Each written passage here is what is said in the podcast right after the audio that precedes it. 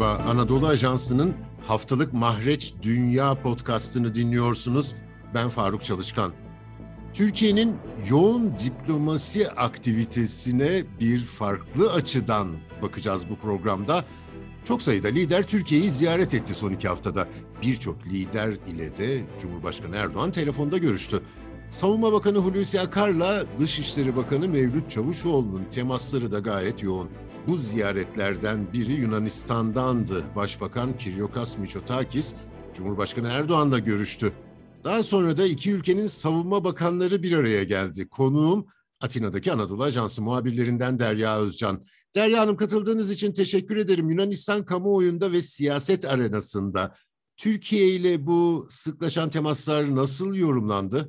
Merhaba Faruk Çalışkan. Evet aslında oldukça olumlu yankılandı diyebiliriz. Çünkü e, son iki senedir özellikle yüksek bir tansiyon hakimdi ikili ilişkilerde. Bu da e, Yunan kamuoyunu da rahatsız ediyordu diyebiliriz. Fakat Mitsotakis'in ziyaretinin olumlu geçmesi, buradan olumlu mesajlar çıkması Yunan kamuoyunda oldukça memnun etti. Hatta neredeyse bir sevinç yarattı. Ertesi gün gazetelerde, televizyonlarda yapılan yorumlarda artık e, tansiyon düştü e, ve bunun e, tansiyon düştüğüne ilişkin ve bunun da ikili ilişkiler açısından olduğu kadar Yunanistan için de olumlu sonuçları olabileceğine ilişkin yorumlar e, yapıldı. Uzun zamandır böylesi bir yumuşamaya ihtiyaç vardı. Çünkü bu gerginlik hem e, Yunan kamuoyunda bir tehdit algısı oluşturmuştu, bir huzursuzluk vardı. Hem de birkaç yıl öncesinde ılımlı ortamından aslında Yunan halkı bir hayli memnundu. Bunu kaybetmek istemiyordu. Çünkü bu ılımlı ortamın ekonomiye de yansıyan bir olumlu karşılığı vardı. Ticari işbirliği olsun, turizm ilişkileri, olsun bunların hepsi Yunan ekonomisine ve Yunan halkına olumlu bir şekilde e, yansımıştı. İşte bu olumlu e, kısmı bir tarafa bırakıp onun yerine e, bütçeden önemli bir payı savunmaya, silahlanmaya e, ayırmak Yunan halkında çok hoşuna giden bir durum değildi tabii ki. Bu yüzden hem bu tehdit algısının ortadan kalkması için hem de artık ekonomik açıdan daha pozitif bir gündeme kavuşulabileceği algısının oluşması açısından bu e, ziyaret olumlu e, yankılandı. Ukrayna'daki savaşın da bir etkisi oluyor değil mi? Evet aslında Ukrayna'daki e, savaş Yunanistan'da bir endişe yarattı. Hem Ukrayna'daki durum açısından bir endişe yarattı. Hem de acaba Türkiye ile Yunanistan arasında da benzer bir e, çatışma olabilir mi diye bir endişe yarattı. Savaşın ilk günlerinde en çok konuşulan buydu. Çünkü Türkiye'nin özellikle e, Yunan adalarının, Ege'deki Yunan adalarının silahlan, silahsızlandırılmasına ilişkin talebi Yunan kamuoyunda e, bir tedirginlik yaratmıştı. Acaba Türkiye'nin burada bir takım talepleri mi var? Bizim egemenlik haklarımızdan mı şüphe ediliyor gibi bir endişe vardı.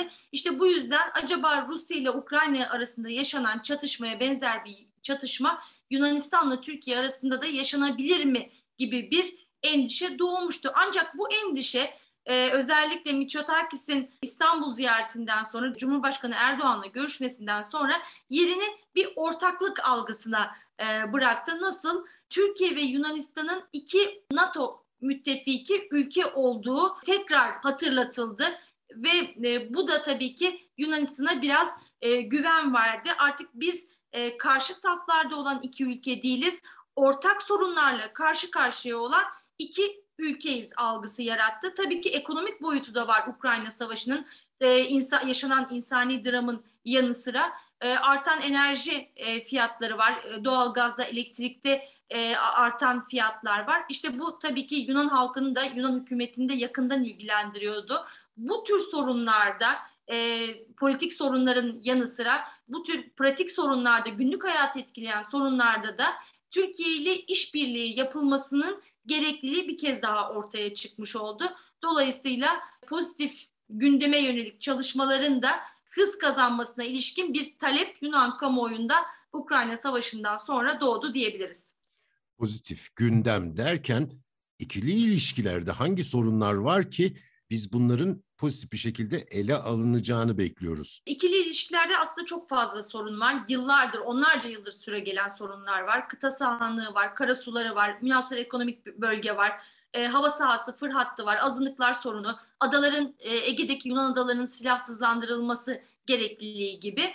E, Birçok sorun var masada e, bekleyen ancak bu sorunların tabii ki bir günde çözülmesini e, kimse beklemiyor. Hatta İstanbul ziyaretinin ardından Miçotakis yaptığı açıklamada o da böyle söyledi. Bir günde çözülmesini beklemiyoruz ancak e, birçok ortak noktamız var. Birlikte çalışabileceğimiz, işbirliği yapabileceğimiz birçok noktamız var. Bunlara e, vurgu yapabiliriz e, demişti. E, pozitif gündemden bahsediyoruz. Aslında pozitif gündem son iki yıldır e, Türkiye Yunanistan arasındaki yüksek tansiyona rağmen var olan bir gündem. Özellikle e, Türk Dışişleri Bakanı Mevlüt Çavuşoğlu'nun geçen yıl Atina'ya yapmış olduğu ziyarette bunu yoğun bir şekilde gördük. Pozitif gündeme ilişkin 25 madde belirlenmişti. Bunun içeriği kamuoyuyla paylaşılmamıştı ama zaman zaman e, ortaya e, çıktı bu içerik. Nasıl çıktı? Mesela gemi seferleri başladı.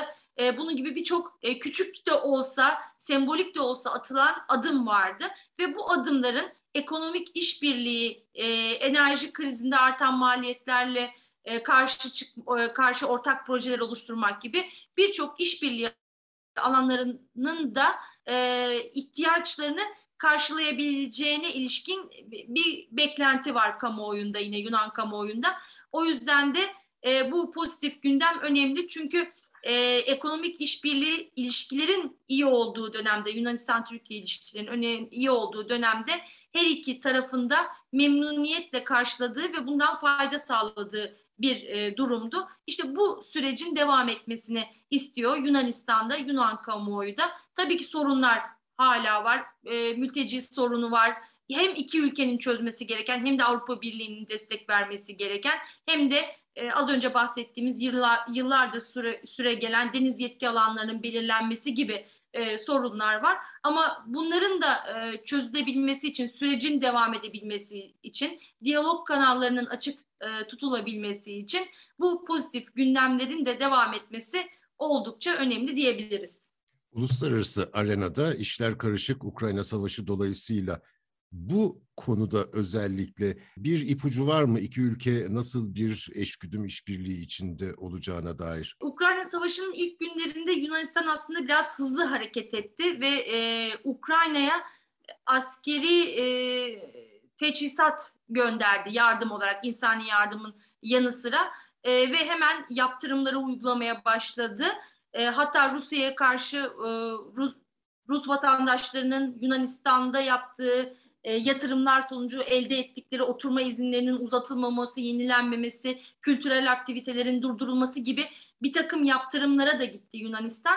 E, fakat özellikle bugün e, televizyonlarda yapılan yorumlarda e, dikkat çekici bir unsur vardı. Çünkü Türkiye artık Ukrayna sorununda e, biraz da olsa bir ara buluculuk görevi üstlenmeye başladı e, yorumları vardı Yunan e, televizyonlarında. Bu da oldukça olumlu bir gelişme olarak takdir edilen bir gelişme olarak yansıtıldı. Çünkü hem Antalya Diplomasi Forumu vardı, burada atılan adımlar vardı Ukrayna'daki savaşın sona ermesi için. Hem de e, Dışişleri Bakanı Çavuşoğlu'nun Ukrayna ziyareti var bugün e, ve Türkiye'nin ara buluculuk olmaya, e, ara buluculuk yapmaya veya e, iki e, tarafın liderlerini buluşturmaya, misafir etmeye yönelik e, adımları vardı. İşte bunların hepsi Yunanistan'da olumlu adımlar Türkiye'nin takdir edilecek başarılı dış politikası olarak e, yorumlanmaya başlandı. Atina'dan Anadolu Ajansı muhabiri Derya Özcan'a çok teşekkür ediyorum. Bizi hangi mecrada dinliyorsanız orada abone olmayı lütfen unutmayın. Hoşçakalın.